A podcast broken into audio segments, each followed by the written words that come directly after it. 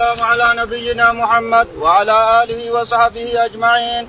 قال أبو عبد الله محمد بن إسماعيل البخاري رحمه الله في جامعه الصحيح باب ينزل للمكتوبة. قال رحمه الله حدثنا يحيى بن بكير قال حدثنا الليث عن عقيل عن ابن شهاب عن عبد الله بن عامر بن ربيعة أن عامر بن ربيعة أخبره قال رأيت رسول الله صلى الله عليه وسلم وهو على الراحلة يسبح يومئ برأسه قبل أي وجه توجه ولم يكن رسول الله صلى الله عليه وسلم يصنع ذلك يصنع ذلك في الصلاة في, الصلاة المكتوبة. وقال الليث حدثني يونس ابن شهاب قال قال سالم كان عبد الله يصلي على دابته من الليل وهو مسافر ما يبالي حيث ما كان وجهه قال ابن عمر وكان رسول الله صلى الله عليه وسلم يسبح على الراحلة قبل أي وجه توجه ويوتر عليها غير أنه لا يصلي عليها المكتوبة. بسم الله الرحمن الرحيم الحمد لله رب العالمين صلى الله على نبينا محمد وعلى آله وصحبه أجمعين.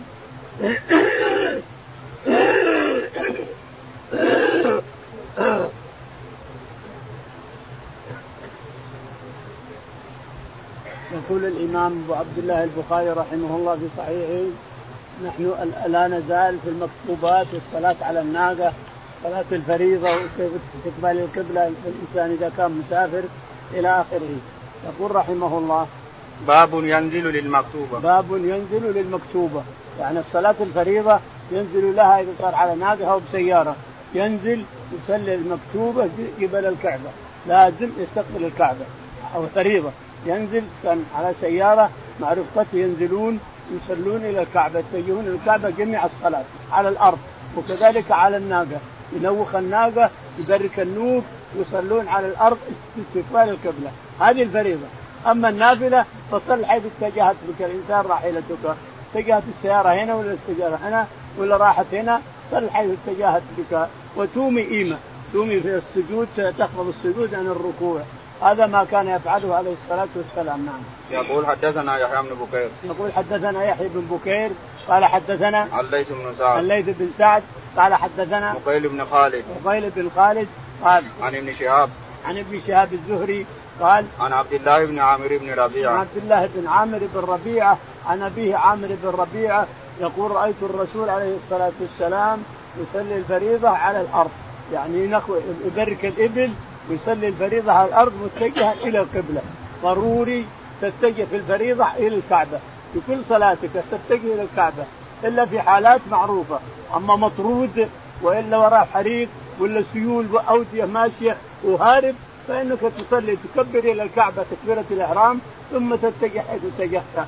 أما إذا كنت آمن فلا بد توقف السيارة وتنزل انت رفقتك أو إن كنت واحد أو اثنين أو أكثر تنزلون على الأرض وتتجهون إلى الكعبة وتصلون الصلاة كلها الفريضة كلها إلى الكعبة، ما يكفي تكبيرة الإحرام، لازم الصلاة كلها إلى الكعبة، لأن النبي عليه الصلاة والسلام كان يبرك النوب ثم ينزل هو وصحابته ويتجهون الكعبة ويصلون الفريضة كلها إلى الكعبة، ثم بعد ذلك أما النوافل فأنت حر يا الإنسان، صل حيث اتجهت بك النافلة. نعم. قال رأيت رسول الله صلى الله عليه وسلم وهو يصلي على الراحله يسبح يومئ برأسه قبل أي وجه توجه ولم يكن رسول الله صلى الله عليه وسلم يصنع ذلك في صلاة المكتوبه. يقول رأيت الرسول عليه الصلاة والسلام يصلي النافلة حيث اتجهت به راحلته حيث اتجهت يمنه يسرى شرق ولا غرب يصلي النافلة والسجود أخفض من الركوع يومي ايماء والسجود أخفض من الركوع أما الفريضة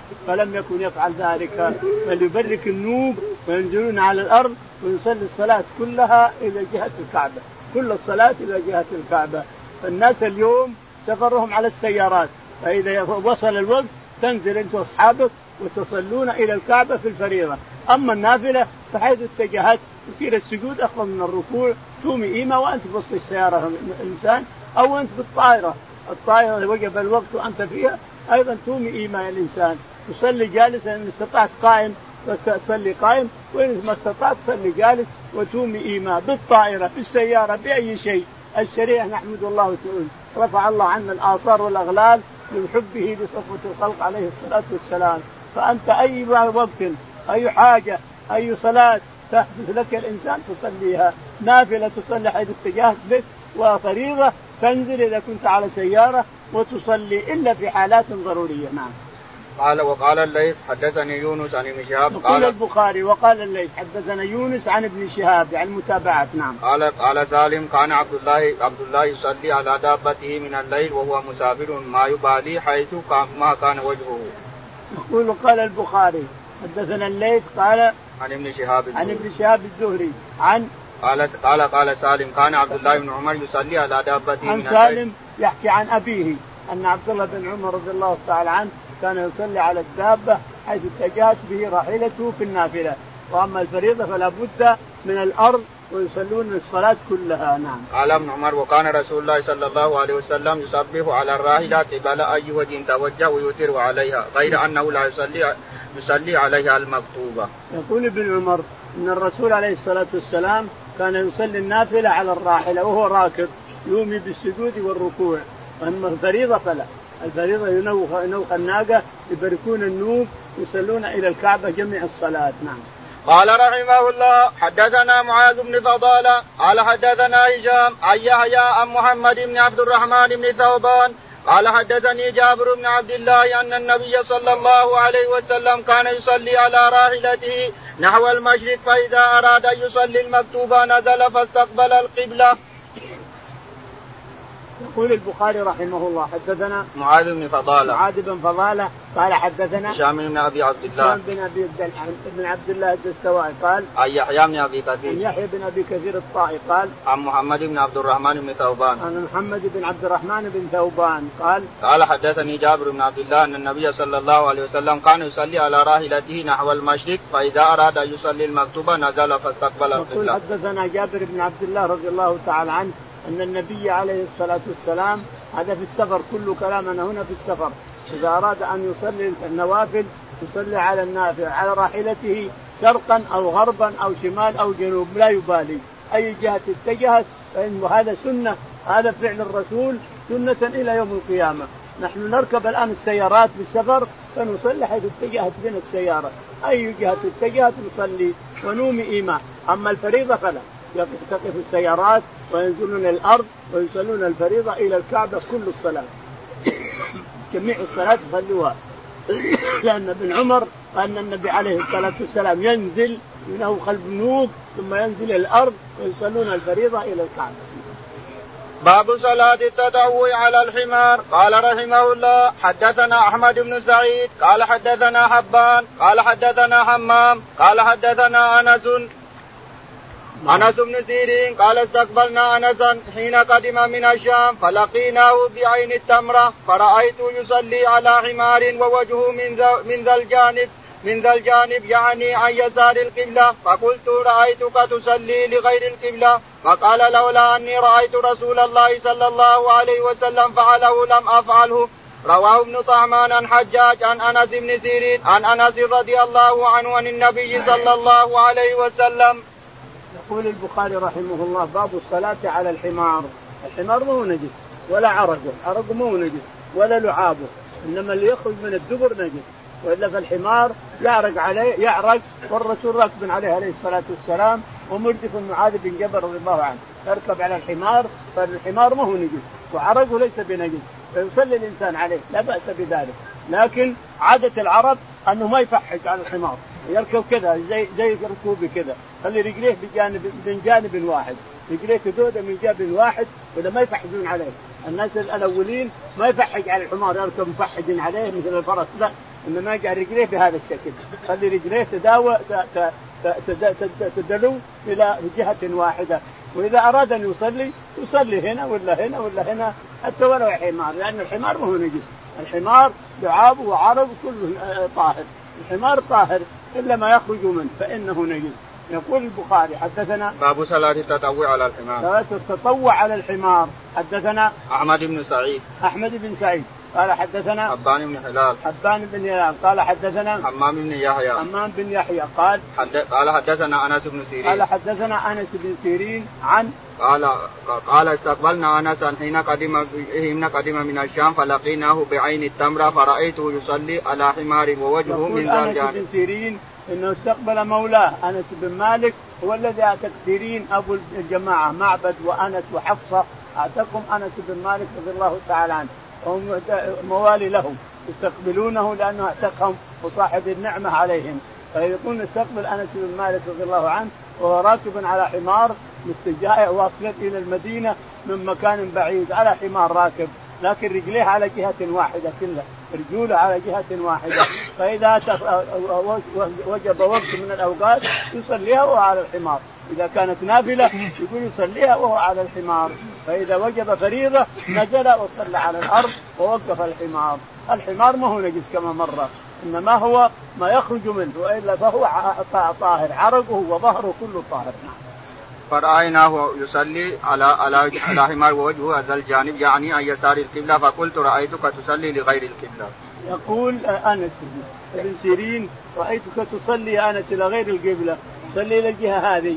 قال هكذا رأيت الرسول عليه الصلاة والسلام يصلي النوافل إلى حيث اتجهت به راحلته نعم.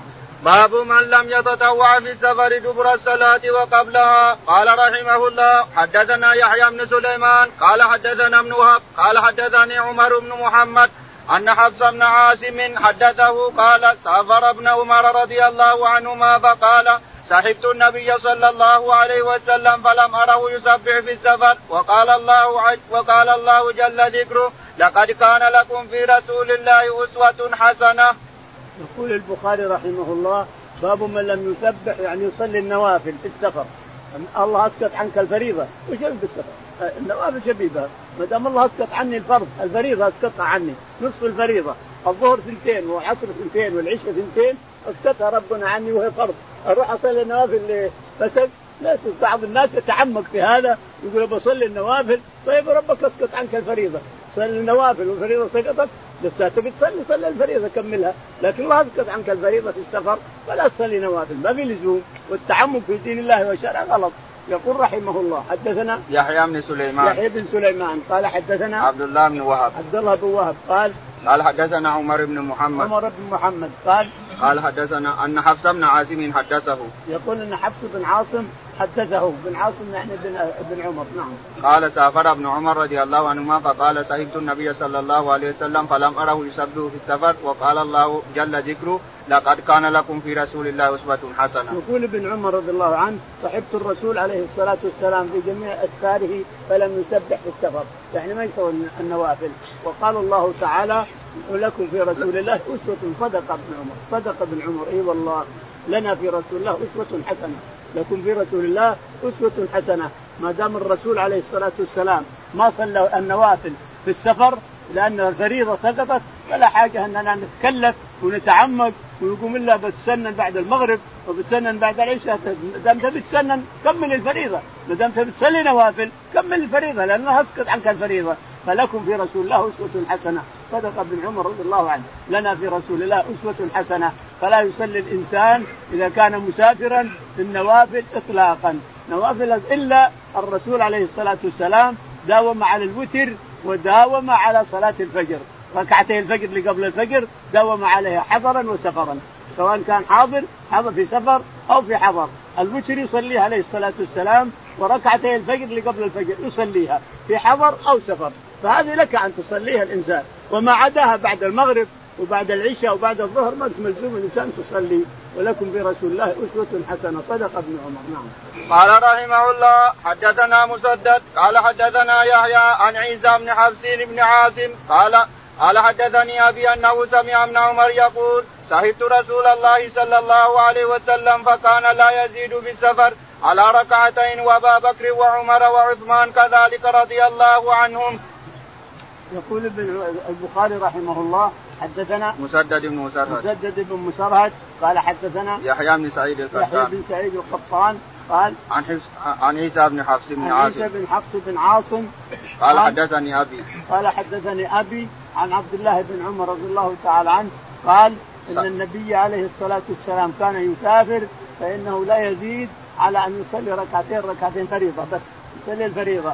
ركعتين الظهر ركعتين العصر ركعتين العشاء ولا يزيد على الفريضة اطلاقا ولا يصلي نوافل ولا شيء. إنما يصلي ركعتين الظهر ركعتين العصر وركعتين العشاء ولا يزيد عليها. إلا الوتر فإنه ورد في الصحيحين أنه كان يلازم على الوتر في الحضر والسفر ويلازم على ركعتي الفجر في الحضر والسفر. ما عداها ما يصلي. بعد المغرب بعد العشاء بعد الظهر ما يصلي شيء. وابو بكر وعمر وعثمان كذلك رضي الله عنه. يقول وابو بن عمر يقول الرسول عليه الصلاة والسلام وابو بكر وعمر وعثمان لا يزيدون على صلاة الفي... صلاة الفريضة ركعتين ركعتين ركعتين لا يزيدون عليها. باب من باب من تطوع في السفر في غير دبر الصلوات وقبلها. وركع النبي صلى الله عليه وسلم ركعتي الفجر في السفر. قال رحمه الله حدثنا حفص بن عمر قال حدثنا شوبه عن عمرو عن ابن أبي ليلى قال ما أنبأنا أحد انه راى النبي صلى الله عليه وسلم صلى الضحى غير أم هاني. فذكرت أن النبي صلى الله عليه وسلم يوم فتح مكة اغتسل في بيتها فصلى ثمان ركعات فما رايته صلى صلاة اخف منها غير أنه يتم الركوع والسجود. يقول البخاري رحمه الله باب باب من تطوع في السفر في غير دبر الصلوات باب من وقبلها. تطوع في السفر في غير وقت صلاة ولا وقت السفر ولا شيء تطوع في غير وقت صلاة ولا وقت حاجة يقول رحمه الله حدثنا وركع النبي صلى الله عليه وسلم ركعتي الفجر في السفر يقول وركع النبي عليه السلام ركعتي الفجر في السفر. يعني الفجر والوتر لازم عليهما عليه الصلاة والسلام. في سفر وحضر. في السفر والحضر لازم على الوتر ولازم على ركعتي الفجر اللي قبل صلاة الفجر. لازم عليهما في الحضر والسفر. وغيرهما لم يصليها عليه الصلاة والسلام. يقول البخاري. قال حدثنا حفص بن عمر. حدثنا حفص بن عمر بن غياث. قال حدثنا شعبة. شعبة بن الحجاج. قال حدثنا عمرو بن مرة. عمرو بن مرة. قال عن عبد الرحمن بن أبي ليلى. عن عبد الرحمن بن أبي ليلى الكبير. قال قال ما أنبأنا أحد انه راى النبي صلى الله عليه وسلم صلى الضحى غير أم هاني. يقول ما أنبأنا أحد. ما جاءنا أحد. أخبرنا أحد من الصحابة من المهاجرين والأنصار أحد أن النبي صلى الضحى إلا أم هانه لأن الرسول صلاها شكر. ما هي صلاة الضحى؟ الثمان هذه صلاها الرسول. شكر أن الله فتح عليه مكة لا أنها صلاة ضحى وإنما صلاها شكر.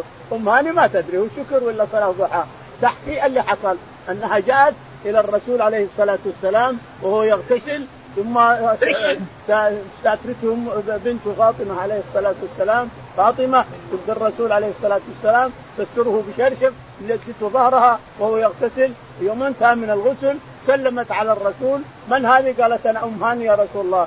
قال مرحبا بأم هاني. قالت يا رسول الله إن ابن أمي علي ابن أبي طالب يريد أن يقتل أحمائي من بني مخزوم اثنين وقد أجرتهم. قال أجرنا من؟ أجرت يا أم هاني. أجرنا من؟ تقول ثم تلبس وتلفف ثم صلى ثمان ركعات في بيت أم هاني عليه الصلاة والسلام. هذه الصلاة يعتبرونها شكر لأن الله فتح عليه مكة. أعظم مدينة وأعظم قوم عاصروه وقومه آه، كذبوه وطردوه وأخرجوه وفتح الله عليه. صلاها شكر لا أنها صلاة ضحى. صلاها شكر. فاللي يسميها صلاة ضحى تجوز. وإلا فهي صلاة شكر لا شك في هذا. نعم. أن النبي صلى يوم يوم فتح مكة اغتسل في بيت فصلى ثمان ركعات فما رأيت صلى صلاة أخف منها غير أنه يتم الركوع والسجود. يقول معنا ما رأيت أخف من صلاته عليه الصلاة والسلام في تلك الثمان الركعات إلا أنه يكمل يتم الركوع. أدنى الكمال ثلاث. إذا قلت سبحان رب الأعلى سبحان رب الأعلى سبحان كفى. سبحان رب العظيم سبحان رب العظيم كفى. ثلاث أدنى الكمال ثلاث وأعلاه عشر إلى تسع إلى أكثر. لكن الأدنى الكمال ثلاث وإذا سبحت واحدة وقمت ما, ما في شيء. لكن أدنى الكمال الكمال يعني ثلاثا. وأما وإلا فواحدة تكفي. سبحان ربي الاعلى سمع الله لمن حمده. سبحان ربي العظيم سمع الله لمن حمده. إلى آخره. واحدة التسبيحة تكفي. لكن أدنى الكمال أفضل لك. أدنى الكمال ثلاث وأعلاه إلى تسع إلى عشر إلى أكثر. فالشاهد تقول ام هانه هند بنت ابي طالب تقول إنها راته يصلي ثمان ركعات ما رأت أحسن من صلاته إلا أنه خفيفة. مرة ما رأيت يخفف مثلها إلا إنها كاملة. صلاة كاملة صلاة كاملة. فأجارت. قالت أجرت. قال أجرنا من أجرت يا أم هاني. فصار شريعة إلى يوم القيامة. حتى المرأة إذا أجرت مشرك ودخلته بلاد الإسلام فهو في حيزة المسلمين. في حيزة جميع المسلمين. لا يجوز لأحد أن يتعرضه أو يقتله من قتل معاهدا لم يرى رائحة الجنة حتى ولو امرأة. عادت مشرك دخلته بلادنا فلها الجيره ولها وله العهد والإيمان من من جميع الدولة ولا يقتله أحد من قتله ولم يرح راحه الجنة نعم. وقال الليث حدثني يونس عن ابن شهاب قال حدثني عبد الله بن عامر بن ربيع أن أباه أخبره أنه رأى النبي صلى الله عليه وسلم صلى الصبحة بالليل في السفر على ظهر راحلته حيث توجهت. يقول هذا حديث آخر يقول رحمه الله حدثنا وقال الليث وقال الليث بن سعد حدثنا يونس بن يزيد. يونس بن يزيد. قال حدثنا عن ابن شهاب الزهري قال قال حدثني عبد الله بن عامر بن ربيعة. بن عامر بن ربيعة. يقول عبد عامر بن ربيعة إنه رأى النبي عليه الصلاة والسلام يتهجد بالليل على راحلته. يجوز أنه وتره أحيانا يوتر بثلاث واحيانا يوتر بخمس واحيانا يوتر بسبع. يجوز أنه يلوي يلوي الوتر ويصلي على ظهر ناقته متجهة حيث اتجهت. جائز هذا نعم. قال رحمه الله حدثنا أبو اليمان قال أخبرنا شعيب عن الزهري قال أخبرني سالم بن عبد الله عن ابن عمر رضي الله عنهما أن رسول الله صلى الله عليه وسلم كان يسبح على ظهر راحلته حيث كان وجهه يومئ براسه وكان ابن عمر يفعله. يقول البخاري رحمه الله حدثنا أبو اليمان. أبو اليمان الحكم بن نافع قال حدثنا شعيب بن أبي حمزة. شعيب بن أبي حمزة قال حدثنا الزهري قال أخبرني سالم بن عبد قال أخبرني سالم بن عبد الله بن عمر أنه يروي عن النبي عليه الصلاة والسلام أن الرسول كان يصلي على ناقته يومئ ما في أي جهة اتجهت. اتجهت الناقة حيث اتجهت يصلي يومئ ما في النافلة. يومئ ما السجود أفضل من الركوع عليه الصلاة والسلام. ويومنا هذا اذا أراد الإنسان يصلي وهو على على سيارة يصلي في نفس السيارة ويومئ ما لا بأس بذلك نعم. باب الجمع في السفر بين المغرب والعشاء قال رحمه الله حدثنا علي بن عبد الله قال حدثنا سفيان قال سمعت الزوري عن سالم عن أبيه قال كان النبي صلى الله عليه وسلم يجمع بين المغرب والعشاء إذا جد به السير وقال إبراهيم بن طعمان عن عن حسين المعلم عن يحيى بن أبي كثير عن يكرم عن ابن عباس رضي الله عنهما قال كان رسول الله صلى الله عليه وسلم يجمع بين صلاة الظهر والعصر إذا كان على ظهر سير ويجمع بين المغرب والعشاء. وعن حسين عن يحيى بن أبي كثير عن حفص بن عبيد الله بن أنس عن أنس بن مالك رضي الله عنه قال كان النبي صلى الله عليه وسلم يجمع بين صلاة المغرب والعشاء في السفر وتابعه علي بن المبارك وحرب بن شداد عن يحيى عن حفص عن أنس جمع النبي صلى الله عليه وسلم. يقول البخاري رحمه الله باب باب الجمع بين في السفر بين الجمع بين الظهر والعصر والمغرب والعشاء باب الجمع بين الظهر والعصر والمغرب والعشاء. لك أن تجمع الإنسان. إذا سافرت لك أن تجمع بين الظهر والعصر والمغرب والعشاء لأنهما صنوان. الثنتين هذول صنوان. يجمع المسافر وتجمع السحابه ويجمع من به سلس البول ويجمع المريض. كل هذا فعله الرسول وأمر به رخص به عليه الصلاة والسلام. يقول البخاري حدثنا علي بن عبد الله. علي بن المديني قال حدثنا سفيان بن عيينة. سفيان بن عيينة قال الزهري. عن الزهري قال حدثنا عن سالم. عن سالم عن ابن عمر رضي الله عنه قال قال كان النبي صلى الله عليه وسلم يجمع بين المغرب والعشاء إذا جد به السير. يقول ابن عمر كان النبي عليه الصلاة والسلام يجمع بين المغرب والعشاء إذا جد به السير، يعني إذا وصل المغرب. فغابت الشمس وجب المغرب خلاص. لكن ما يصلي. يترك المغرب إلى العشاء لأن العشاء وقته طويل. فإذا أراد أن ينزل ويستريح ويسمر فإنه ينزل عليه الصلاة والسلام ثم يأمر بلال فيؤذن ثم يصلي المغرب. ثم يقيم للعشاء ثم يصلي العشاء ولا يسبح بينهما ولا شيء. ثم يرقد عليه الصلاة والسلام إلى الوقت اللي يريده هو أن يقوم يصلي فيه أو ما يصلي. الشاهد أنه عليه الصلاة والسلام يجمع بين المغرب والعشاء وبين الظهر والعصر. الظهر إذا جد به السير وكان يريد أن يمشي ويقول نحن ما ما نقدر ننزل العصر. فيصلي العصر مقدما.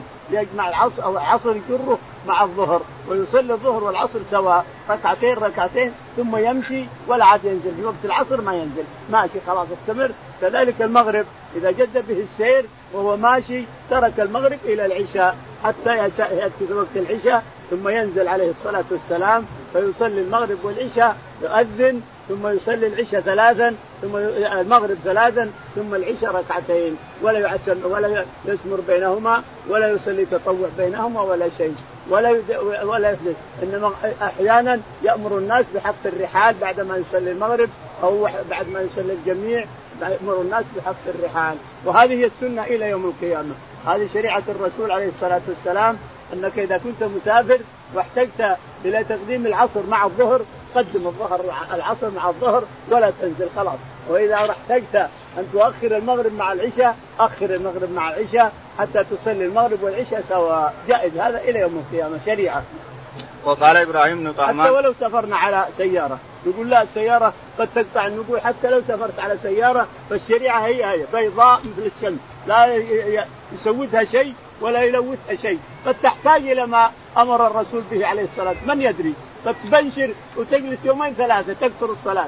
قد تبنشر وقد تخرب الطائرة وتحتاج إلى ان تقصر بالمطار تصلي الظهر والعصر بالمطار أو المغرب والعشاء بالمطار تجمع هذا مع هذا. قد تحتاج حتى لو أنت على طائرة أو على سيارة أو على شيء. الشريعة هي هي بيضاء ما يلوثها شيء ولا يسودها شيء. فالمسلم إلى يوم القيامة يحتاج إلى أمور الشريعة يحتاج إليها وينفذها إذا احتاج إليها. ينفذها ويفعلها ولا حرج حرج عليه إن شاء الله. نعم.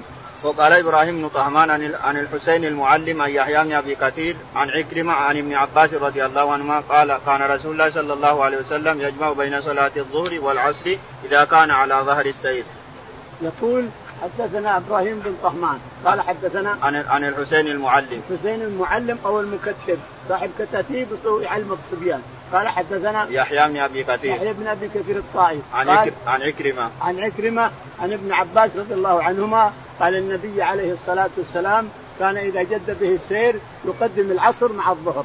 يقدم الظهر العصر مع الظهر يصليهما سواء ثم يمشي ولا عاد ينزل أو كذلك يؤخر المغرب إلى العشاء ويصلي اثنين مع العشاء. جائز هذا كله نعم. وعن حسين وعن حسين عن يحيى بن أبي كثير عن حفص بن عبيد الله بن أنس عن أنس بن مالك رضي الله عنه قال كان النبي صلى الله عليه وسلم يجمع بين صلاة المغرب والعشاء في السفر.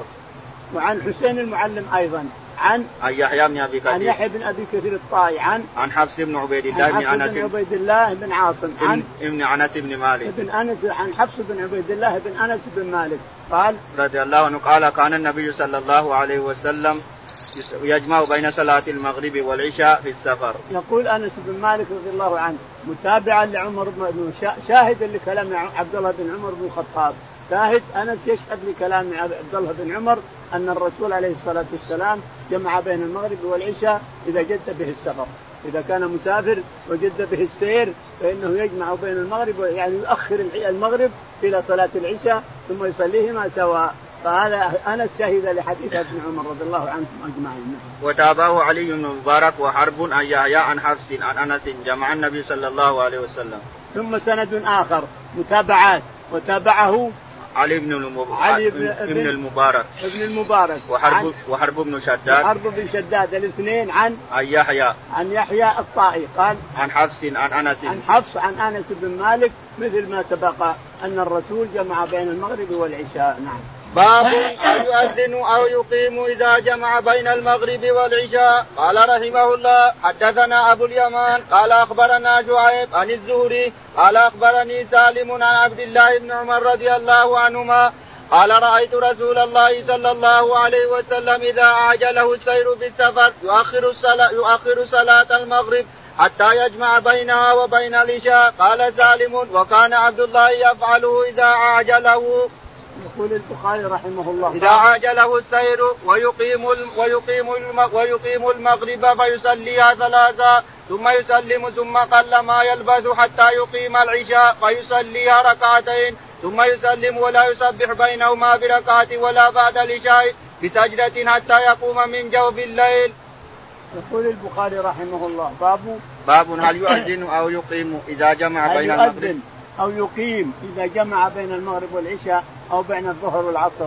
يؤذن أو يقيم أو يفعل. نعم يؤذن لهما ثم يقيم لهما اثنين يقيم للظهر ثم يقيم للعصر بأذان واحد. كذلك المغرب. يؤذن لاثنين ثم يقيم للمغرب ثم يقيم للعشاء. الإقامة لكل وقت والأذان واحد. للثنتين أذان واحد. فالاقامه للاثنين. يقول رحمه الله حدثنا أبو اليمان. أبو اليمان. قال حدثنا شعيب بن أبي حمزة. شعيب بن أبي حمزة. قال حدثنا الشعبي آه، الزهري. قال قال أخبرني سالم. قال أخبرني سالم قال أخبرني عبد الله بن عمر. عبد الله بن عمر قال رأيت رسول الله صلى الله عليه وسلم إذا أعجله السير في السفر يؤخر صلاة المغرب حتى يجمع بينهما وبين العشاء. يقول رأيت الرسول عليه الصلاة والسلام إذا جد السير أخر المغرب حتى يصليها مع العشاء. يعني ثم يؤذن أذان واحد ثم يقيم للمغرب ثم يقيم للعشاء. الصلاة والسلام. قال هذا سنة إلى يوم القيامة. سنة لمن أراد ذا إلى يوم القيامة. قال قال سالم وكان عبد الله يفعله يقول سالم وكان عبد الله يفعله اقتداء بالرسول عليه الصلاة والسلام. ويقيم لل... ويقيم المغرب يصليها ثلاثا ثم يسلم ثم قل ما يلبس حتى يقيم العشاء يقيم للمغرب فيصليها ثلاثا ثم يقيم إقامة للعشاء فيصليها ركعتين. هذا ما كان يفعله عليه الصلاة والسلام وكان ابن عمر يفعله اقتداء بالرسول عليه الصلاة والسلام. وهذا شريعة إلى يوم القيامة. تفعل هذا الإنسان إلى يوم القيامة لا حرج عليه. قال رحمه الله حدثنا إسحاق قال حدثنا عبد الصمد قال حدثنا حرب قال حدثنا يحيى قال حدثني حفص بن قال قال حدثنا يحيى بن أبي كثير. يحيى بن أبي كثير قال قال حدثني حفص بن عبيد الله بن أنس بن مالك. حفص بن عبيد الله بن عمر عبد الله بن عمر قال ابن أنس بن مالك. ابن أنس بن مالك رضي الله عنهم أجمعين قال قال أن أنس رضي الله عنه حدثه أن رسول الله صلى الله عليه وسلم كان يجمع بين هاتين الصلاتين في السفر. يقول إن آنس بن مالك قال إن النبي عليه الصلاة والسلام كان يجمع بين هاتين الصلاتين بالسفر يعني المغرب والعشاء والظهر والعصر نعم. باب يؤخر الظهر إلى العصر إذا ارتحل قبل أن تزيغ الشمس فيه, فيه ابن عباس عن النبي صلى الله عليه وسلم قال رحمه الله حدثنا حسان الواسطي قال حدثنا المفضل بن فضالة عن عقيل عن ابن شهاب عن أنس بن مالك رضي الله عنه قال كان النبي صلى الله عليه وسلم إذا ارتحل قبل أن تزيغ الشمس أخر الظهر إلى وقت العصر ثم يجمع بينهما وإذا زاغت صلى الظهر ثم ركب. يقول البخاري رحمه الله باب باب يؤخر الظهر إلى العصر إذا ارتحل قبل أن تزيغ الشمس. إلى العصر إذا أراد الارتحال. يريد أن يرتحل قبل زوال الشمس وقبل وجوب الظهر يرتحل عليه الصلاة والسلام ويؤخره إلى العصر. أو أنه يصلي الظهر والعصر يقدم العصر معها يصليها ثم لا ينزل مرة واحدة ولا يصليهما إلا واحدة حينما يصليهما قبل. أحيانا يقدم العصر مع الظهر وأحيانا يجد به السير ومشي يأخر الظهر إلى العصر ثم ينزل للعصر ويصليهما سواء يقول البخاري حدثنا قال حدثنا حسان بن عبد الله الواسطي. حسان بن عبد الله الواسطي قال المفضل بن فضالة. المفضل بن فضالة. قال حدثنا عقيل بن خالد. حسين حسين بن خالد. عقيل بن عقيل بن خالد تلميذ الزهري نعم. قال عن ابن شهاب الزهري. عن ابن شهاب الزهري قال عن أنس بن مالك. عن أنس بن مالك رضي الله تعالى عنه قال قال كان النبي صلى الله عليه وسلم إذا ارتحل قبل أن تزيغ الشمس أخر الظهر إلى وقت العصر ثم يجمع بينهما. يقول انس رضي الله تعالى عنه كان النبي عليه الصلاة والسلام إذا ارتحل قبل زوال الشمس يعني أحيانا يرتحل قبل الزوال. انتهي كان جالسا في الأرض ثم يأمر الناس أن يرتحلوا فيرتحل قبل أن تجب الظهر فيؤخر الظهر إلى العصر ثم يمشون يسير عليه الصلاة والسلام فإذا وجبت العصر نزل وصلى على الأرض الفريضة على ركعتين ركعتين صلى الظهر اثنين والعصر اثنين. يعني يجمع بين الظهر والعصر تاخيرا ويجمع أحيانا بين الظهر والعصر تقديما. جائز هذا وهذا. أما المغرب فلا فإنه لا يصليها إلا مع العشاء. يؤخر المغرب ويصليها مع العشاء. أما أنه يقدم العشاء مع المغرب ما حدث هذا. وإذا زاغت صلى الظهر ثم ركب. وإن زاغت صلى الظهر ثم ركب. يعني مع العصر. نعم. باب إذا ارتحل بعدما زاغت الشمس صلى الظهر ثم ركب. قال رحمه الله حدثنا قتيبة بن سعيد قال حدثنا المفضل بن فضالة عن عقيل عن ابن شهاب عن أنس بن مالك قال كان رسول الله صلى الله عليه وسلم إذا ارتحل قبل أن تزيغ الشمس اخر الظهر إلى وقت العصر ثم نزل فجمع بينهما فإن زاغت الشمس قبل أن يرتحل صلى الظهر ثم ركب. يقول البخاري رحمه الله حدثنا باب إذا ارتحل بعد بعد ما زاغت الشمس صلى الظهر ثم ركب. يقول باب إذا إذا زاغت الشمس قبل أن يرتحل صلى الظهر يعني وحده ثم ركب وصلى العصر وحده لحاله. ولكن اللي يظهر أنه يجمع العصر مع الظهر إلا إذا كان هناك مسافة هناك يعني حاجة ربما أنه ينزل العصر ولا هناك مشقة فإنه يصلي الظهر وحده ويصلي العصر وحده إذا وجب. يقول البخاري حدثنا قتيبة بن سعيد. قتيبة بن سعيد الثقفي البغلاني. قال حدثنا المفضل بن فضالة. المفضل بن فضالة. قال حدثنا عقيل بن خالد. عقيل بن خالد. قال عن ابن شهاب عن الزهري. ابن شهاب الزهري. قال عن أنس بن مالك. عن أنس بن مالك رضي الله تعالى عنه. أن النبي عليه الصلاة والسلام كان اذا زاغت الشمس صلى الظهر ثم أخر العصر إلى وقته. يصلي الظهر لحاله ويصلي العصر لحاله. إذا كان في الإمكان هذا. وإلا فيقدم العصر معه ويصليها مع واحدا ويستمر ما ينزل مرة واحدة. لكن إذا زاغت الشمس وهو في مكانه صلى الظهر ركعتين ثم سار. وإذا وجب العصر نزل وصلى العصر ركعتين. لأنه هذا الأفضل. أن تصلي كل وقت في وقته أفضل. أفضل من الجمع. أن تصلي كل وقت في وقته. صلي الظهر ركعتين والعصر ركعتين والمغرب ثلاث والعشاء اثنتين. كل وقت بوقت هذا أفضل.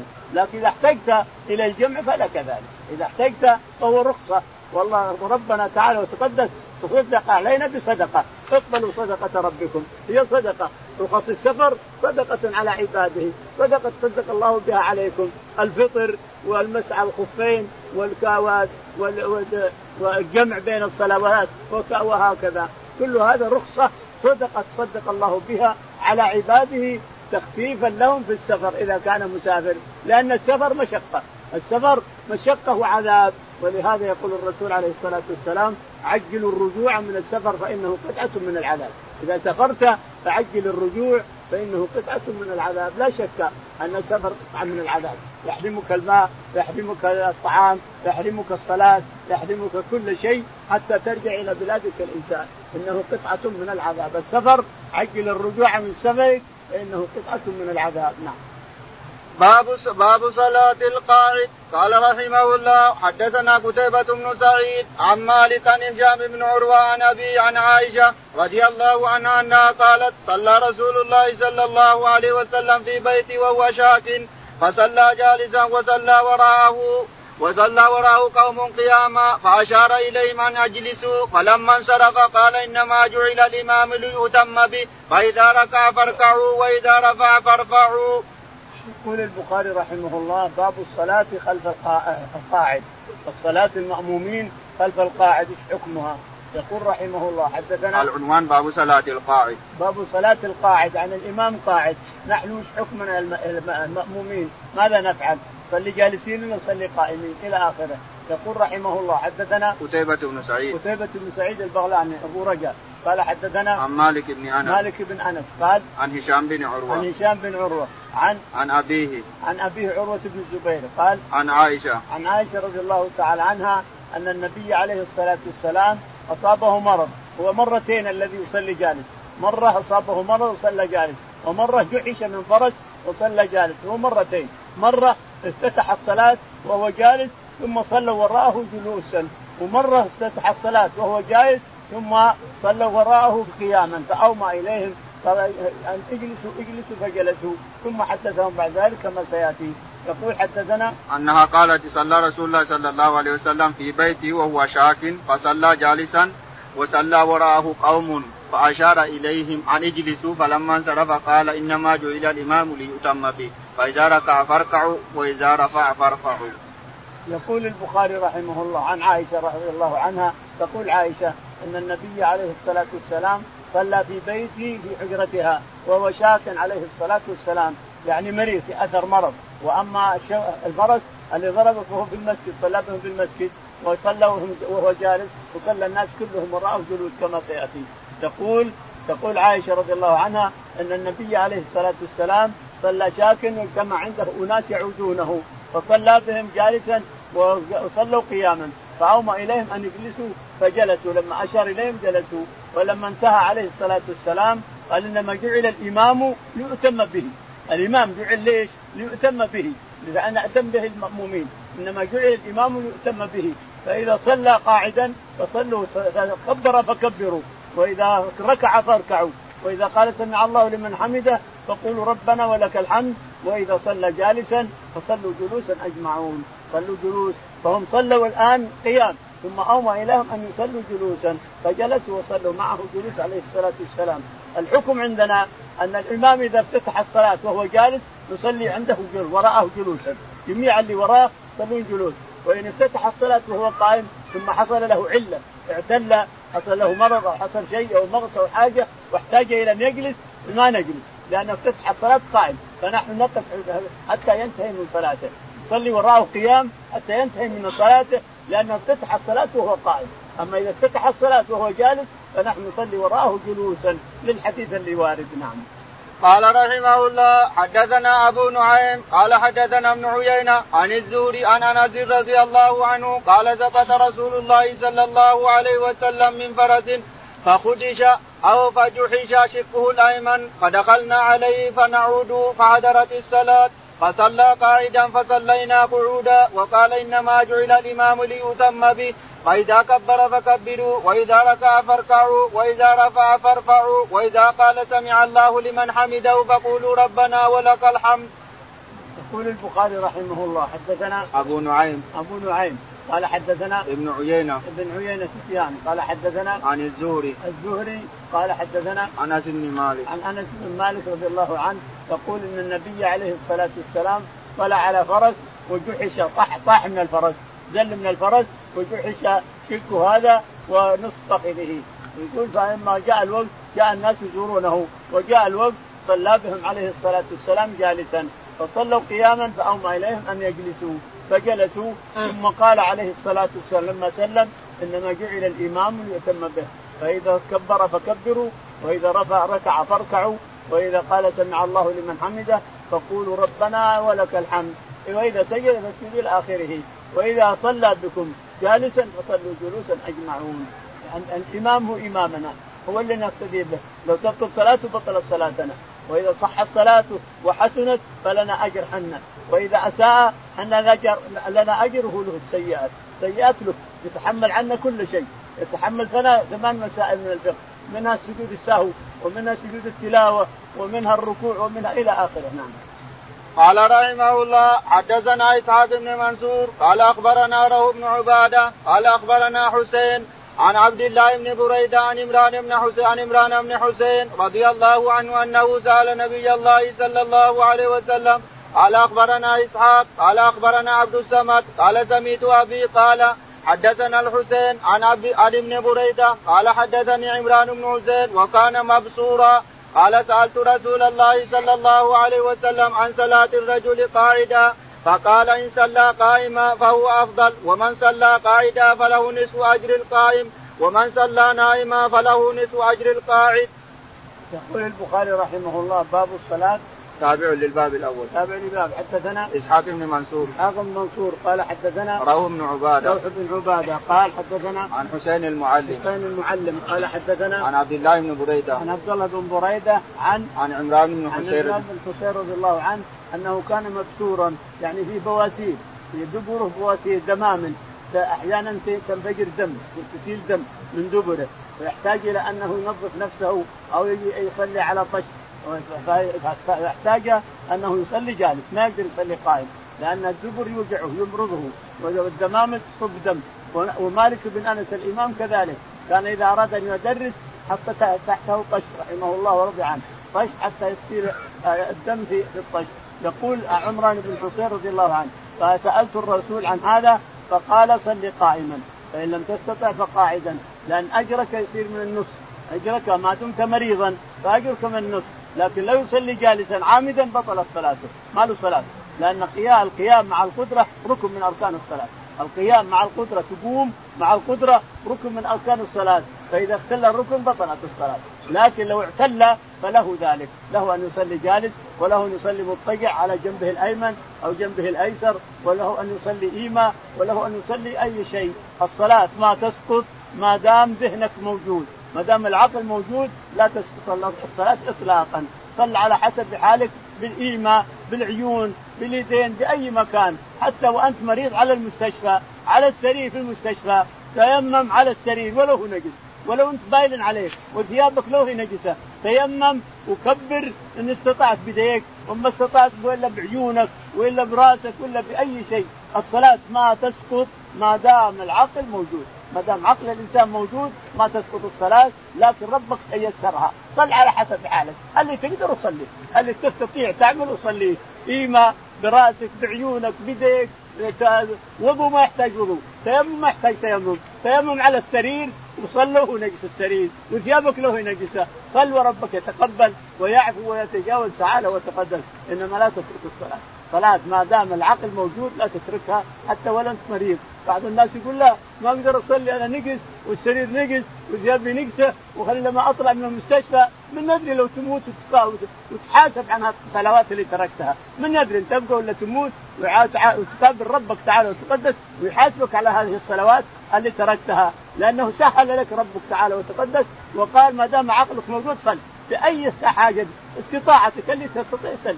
بأي حركة تستطيع صل إنما ما تسقط الصلاة عن أي مريض كان ما دام عقله موجود ما تسقط. ولا تقول شرشفي نقص وثوبي نقص وأنا ما أقدر أصلي ولا مصلي لما أخرج من المستشفى من يدري تحيا ولا تموت؟ ثم تقابل ربك ما صليت. ربك قال صل على حسب حالك أو بحسب حالك وحسب استطاعتك فربك يعفو ويتجاوز ويتقبل تعالى وتقدس ثم حول السند قال حدثنا إسحاق. ثم حول السند البخاري رحمه الله قال حدثنا إسحاق بن منصور قال حدثنا عبد الصمد بن عبد الوارث. عبد الصمد بن عبد الوارث قال حدثنا قال سمعت أبي. قال سمعت أبي قال حدثنا الحسين المعلم. حسين المعلم قال حدثنا ابن بريدة. ابن بريدة عبد الله قال عن عمران بن حسين. عن عمران بن حسين أنه كان مبسورا يعني في فواسير دمام في الدبر ما يستطيع يقوم معها قائم ما يستطيع لأنها تصب دم.